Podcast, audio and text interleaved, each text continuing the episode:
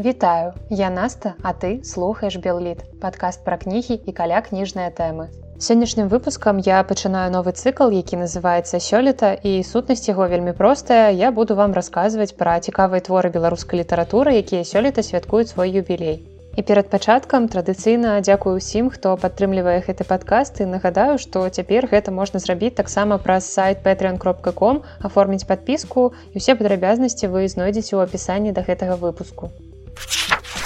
А герой сённяшняга выпуску гэта Якуб колас адразу два творы якога сёлета юбіляры. І пачынаем мы са зборніка казкі жыцця якому спаўняецца 95 гадоў сам колас ацэньваў свае казкі жыцця вельмі высока і ў 1939 годзе у лісце да літаратуразнаўцы Юльяна пшыркова ён пісаў што надае гэтаму твору вялікае значэнне ў сваёй творчасці і ставіць услед за новай зямлёй і сымонам музыкам А я яго перачытвала і мне падалося што нават неяк нібыта у адкрыла яго наноў, бо многія апавяданні падаліся настолькі балючымі і актуальнымі, а прайшло ж ужо амаль стагоддзя з таго часу. Ствараў гэты зборнік колас амаль палову стагоддзя і першыя апавяданні ў балоце і жывая вада былі напісаныя ў 1907 годзе, а апошняя страказа ў 1956. Я вырашыла перачытаць акурат тое самае першае выданне, якое выйшло ў 26 годзе і якому сёлета спаўняецца 95 гадоў. Я знайшла ў нацыянальнай бібліятэцы менавіта яго.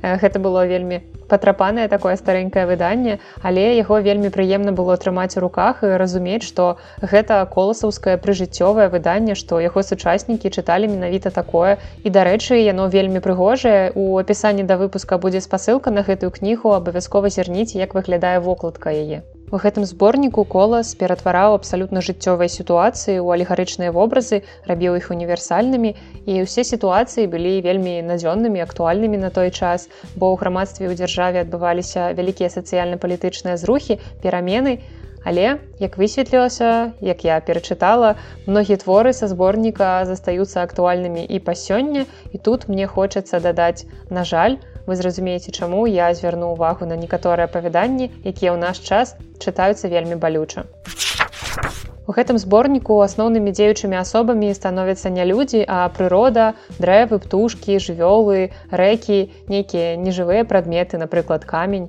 І такія персанажы вымагалі ад коласа адмысловага падыходу да напісання тэксту, бо трэба было падрыхтаваць тагачаснага чытача, што гэта не проста дзіцячая казачка, дзе дрэвы размаўляюць і над гэтай казачкай можна не задумвацца.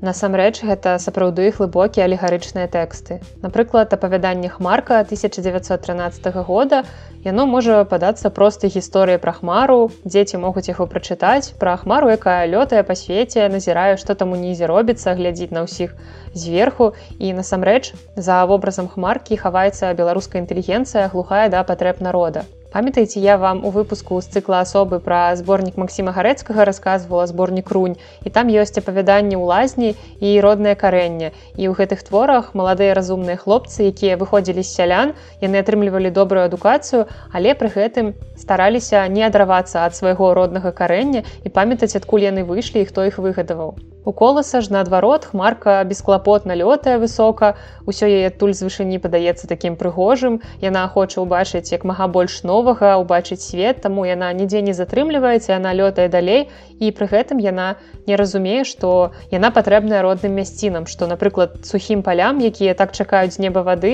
ім патрэбная гэтая хмарка ім патрэбны гэты дождж з яе. Але ж хмарка лётала лётала і ніяк не магла зразумець дзе яе месца і ўрэшце яна вярнулася ў свой край яна пролілася дажджом і зразумела у чым яе прызначэнне і ідзе яе дома для чаго яна ўвогуле патрэбная і ведаеце гэта вельмі актуальнае ў наш час апавяданне бо цяпер на жаль многія беларусы з'язджаюць краіны ў пошуках лепшага жыцця і тут Ніхто не мае права іх асуджаць, бо гэта іх жыццё, іх выбар, гэта асабісты выбар кожнага, але ж колас да такога ставіцца даволі скептычна і піша. От навука для тваіх дзяцей. Моцна ж накажы ты ім дружа, каб не лёталі дарэмна па свеце, не бадзяліся. У сваім кутку работы досыць для кожнага. А яшчэ тут важна заўважыць, што эпіграфам да свайго апавядання колас зрабіў свае шарадкі, добра нам усім вядомыя.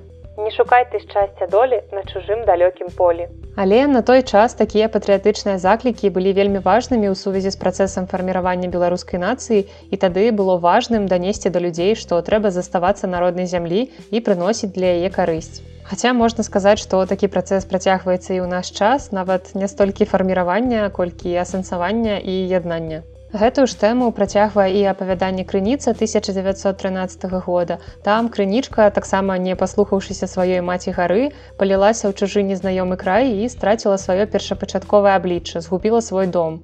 Таксама вельмі актуальным у наш час гучыць апавяданне балотны агонь. Бярозка расла ў лесе між вялікіх дрэў, яна была маленькай адзінокай і ў яе была толькі адна радасць ноччу яна бачыла недзе здалёк агонь, які свяціўся, а потым высветлілася, што гэта быў зусім не агонь, а свяціліся на балоце гнілякі. Я думаю, што мы ўсе сутыкаліся ў жыцці з падобнымі сітуацыямі, калі нешта такое прывабнае здалёк насамрэч аказвалася простым гніляком. І вельмі часта так бывае з людзьмі ў садсетках, якія сабе ствараюць віртуальны вобраз, якому насамрэч не адпавядаюць. Або ў жыцці нейкі чалавек прыгожы звонку аказваецца пустым або гнілым унутры. Увогуле ў гэтым зборніку, што не апавяданне, то актуальная гісторыя з жыцця, напрыклад, пасля апавядання, што лепей 1917 года можна задумацца, а ці так ты жывеш. Вецер там запытвае ў хвоі. Што лепей пражыць свой век ціха, спакойна, не пазнаўшы, як міла жыццё, ці пазнаць яго хараство і вартасць цаной вялікага няшчасця. Колас дакладна выступае за тое, каб няспынна рухацца, дасягаць нават недасяжных ідэалаў, але не жыць сытым і спакойным жыццём. І вось тое самае апавяданне, пра якое я ў пачатку казала, што яно занадта балючае і актуальнае для нашага часу. Гэта апавяданне проціў вады. Я яго перачытывала з дрыжыкамі на скуры. Вось паслухайце яго пачатак, ці не нагадвае ён вам нічога. Ніхто не памятае, калі асталяваўся тут стары дзед.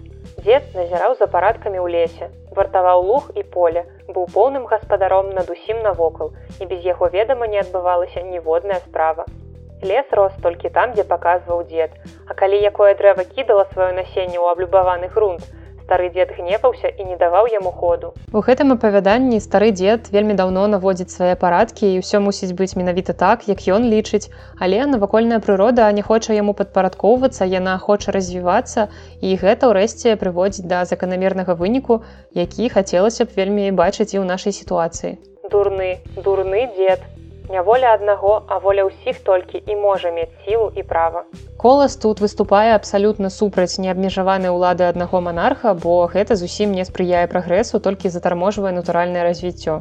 Калі звярнуцца да жанравай прыналежнасці казак жыцця, то можна адзначыць, што кампазіцыйна яны сапраўды найбольш нагадваюць казкі. Ёсць традыцыйны для казак зачын, які аўтар напоўніў глыбокім філасофскім зместам, а таксама дадаў да яго алегарычны сюжэт і канцоўку з пэўнай мараллю мноства апісанняў прыроды і колас сапраўды дасягнуў значных вышыняў у пейзажнай прозе. І таксама гэтыя апавяданні напоўненыя народнай мудрасцю. Тут можна сустрэць цікавыя прыказкі і прымаўкі, напрыклад, жыва хлопцы жыва будзе водка і піва.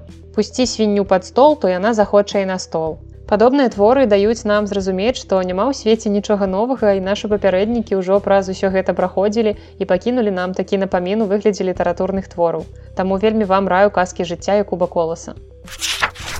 Яшчэ адзін твор коласа, якому сёлета спаўняецца 95 гадоў, гэта аповесць на прасторах жыцця, якая расказвае пра моладзь 1920-х гадоў. Твор можа падацца для нас менш цікавым, але ён важны для разумення эпохі, у якой пісаўся. Іван Навуменка ў літаратуразнаўчай працы з глыбін жыцця адзначае, што на прасторах жыцця гэта першы буйны твор коласа на матэрыяле савецкай рэчаіснасці. І гэта пазітыўны твор, які станоўча ацэньвае тое, што прынесла з сабой усталяванне савецкай улады. І ўжо ад адных гэтых слоў нам можа зрабіцца смешна, бо словы савецкая ўлада і пазітыўныя не могуць знаходзіцца ў адным сказе побач. Але пісьменнік вырашыў паглядзець, які ён новы савецкі чалавек, якія змены ў характар чалавека ўнесла гэтае новае грамадска-палітычнае жыццё. І таму ён зрабіў сваіх герояў маладымі, актыўнымі і вырашыў прасачыць іх шлях з маленства. Бо ў пачатку гэтага твора галоўныя героі Сцяпан Барута і Алена Гарнашка яшчэ зусім дзеці. Калі апісаць простымі словамі сюжэт, то гэта гісторыя жыцця хлопца і дзяўчыны, якія сталеюць і шукаюць сваё месца ў жыцці. Яны абодва вельмі цікаўныя да свету ім хочацца вучыцца спасцігаць новае глядзець на свет і таму яны выпраўляюцца з дома ў дарогу. І часы ўжо прыйшлі новыя лада ў краіне перайшла да народу але ўсё яшчэ засталіся людзі старых поглядаў якія ўсё гэта новае не прымаюць. І колас выступае супраць такіх людзей бо лічыць што прыватная ўласнасці адсутнасць адчування калектыўнасці сапсавалі прыроду чалавека.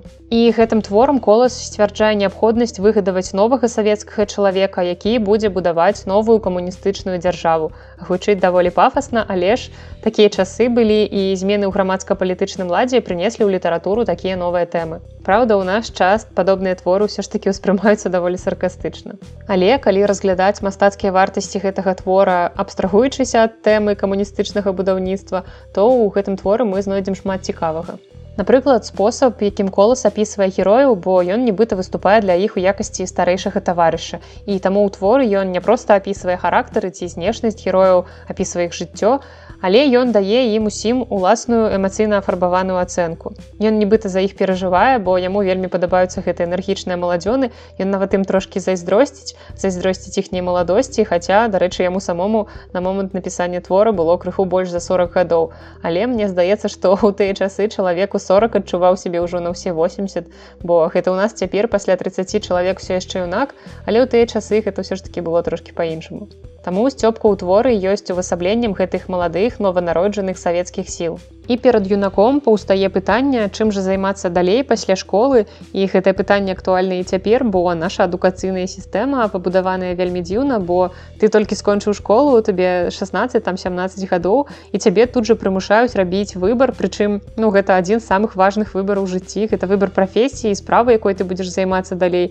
А што калі раптам праз год я перадумаю, бо напрыклад тады ува мне гаварыў нейкі юнацкі максімалізм, я хацела выратоўваць людзей, пайшла ў медыцынскі але там правучылася год зразумела што мне не хапае сіл што мне хочется чагосьці больш лёгкага хуткага што ўжо можна выконваць прымяняць на практыцы. І захацелася напрыклад з лекараў перакваліфікавацца ў маркетолагі але ж я уже поступила ў мед. Гэта было даволі няпроста. І што рабіць цяпер? Такія складаныя пытанні часам узнікаюць перад сучаснымі маладзёнамі.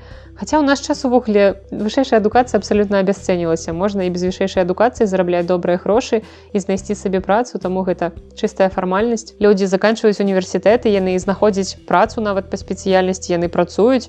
Але нават пасля 30 гадоў яны яшчэ асабліва не ведаюць чым бы хацелі займацца ў жыцці як гэта модна казаць кім бы яны хацелі стаць калі вы вырастуць Хаця ў наш час все ж таки нашмат прасцей гэта рабіць і на цябе ніхто не глядзіць коса калі ты напрыклад пасля 40 ідзеш вучыцца перавучвацца новай прафесіі наадварот гэта ўспрымаецца даволі пазітыўна бо ў некаторых пасля 40 жыццё толькі пачынаецца і гэта класна але перад яго героем сцяпаным барутам сапраўды стаіць даволі складаны выбар куды ісці вучыцца пасля школы калі скончыў школу да таго ж паспяхова і ён накіроўваецца вучыцца на рабфак у горад і гэты горад шмат у чым зменіць ягоны светапогляд бо ён жа не адзін такі накіраваўся ў сталіцу бо ва універсітэты менску ехала моладзь з усіх куткоў краіны і ўсім ім трэба было даць прытулак вучыцца апранаць іх карміць. І Івана воменка ў тым жа даследаванні з глыбін жыцця піша Якуб колас быў першым пісьменнікам у беларускай літаратуры які па-мастацку праўдзіва паказаў нараджэнне новых адносін паміж горадам і вёскай але ж зусім не абавязкова ехаць у горад каб там застацца бо трэба памятаць пра родны куток. І калі ты набыў веды ў горадзе трэба вяртацца дадому ў вёску каб ёй дапамагаць і прымяняць атрыманыя веды і ў сцёпкі ўсё гэта атрымліваецца. Дарэчы гэтыя матывы калектыўнай працы на карысць грамадства прасочваюцца і ў многіх апавяданнях сказак жыцця пра якія я рассказывала раней. І пісаліся ж гэты творы прыкладна на адзін перыяд. Такія яны сёлетнія кнігі юбіляры і я спадзяюся, што гэтая новая рубрыка вам прыйдзецца даспадобы. А ў наступным выпуску з гэтага цыклу мы паслухаем пра твор, які сваёй лексікай выклікаў шмат смеху маіх аднакласнікаў і я думаю, што фраза хрэн табе ў вочы была адной з самых яркіх, што яны запомнілі са школьных урокаў літаратуры. І гэта ўсё пра апінскую шляхту Дуніна Марцінкевіча. А на гэтым я развітваюся, з вами была Наста і падкаст Белліт. Да сустрэчы.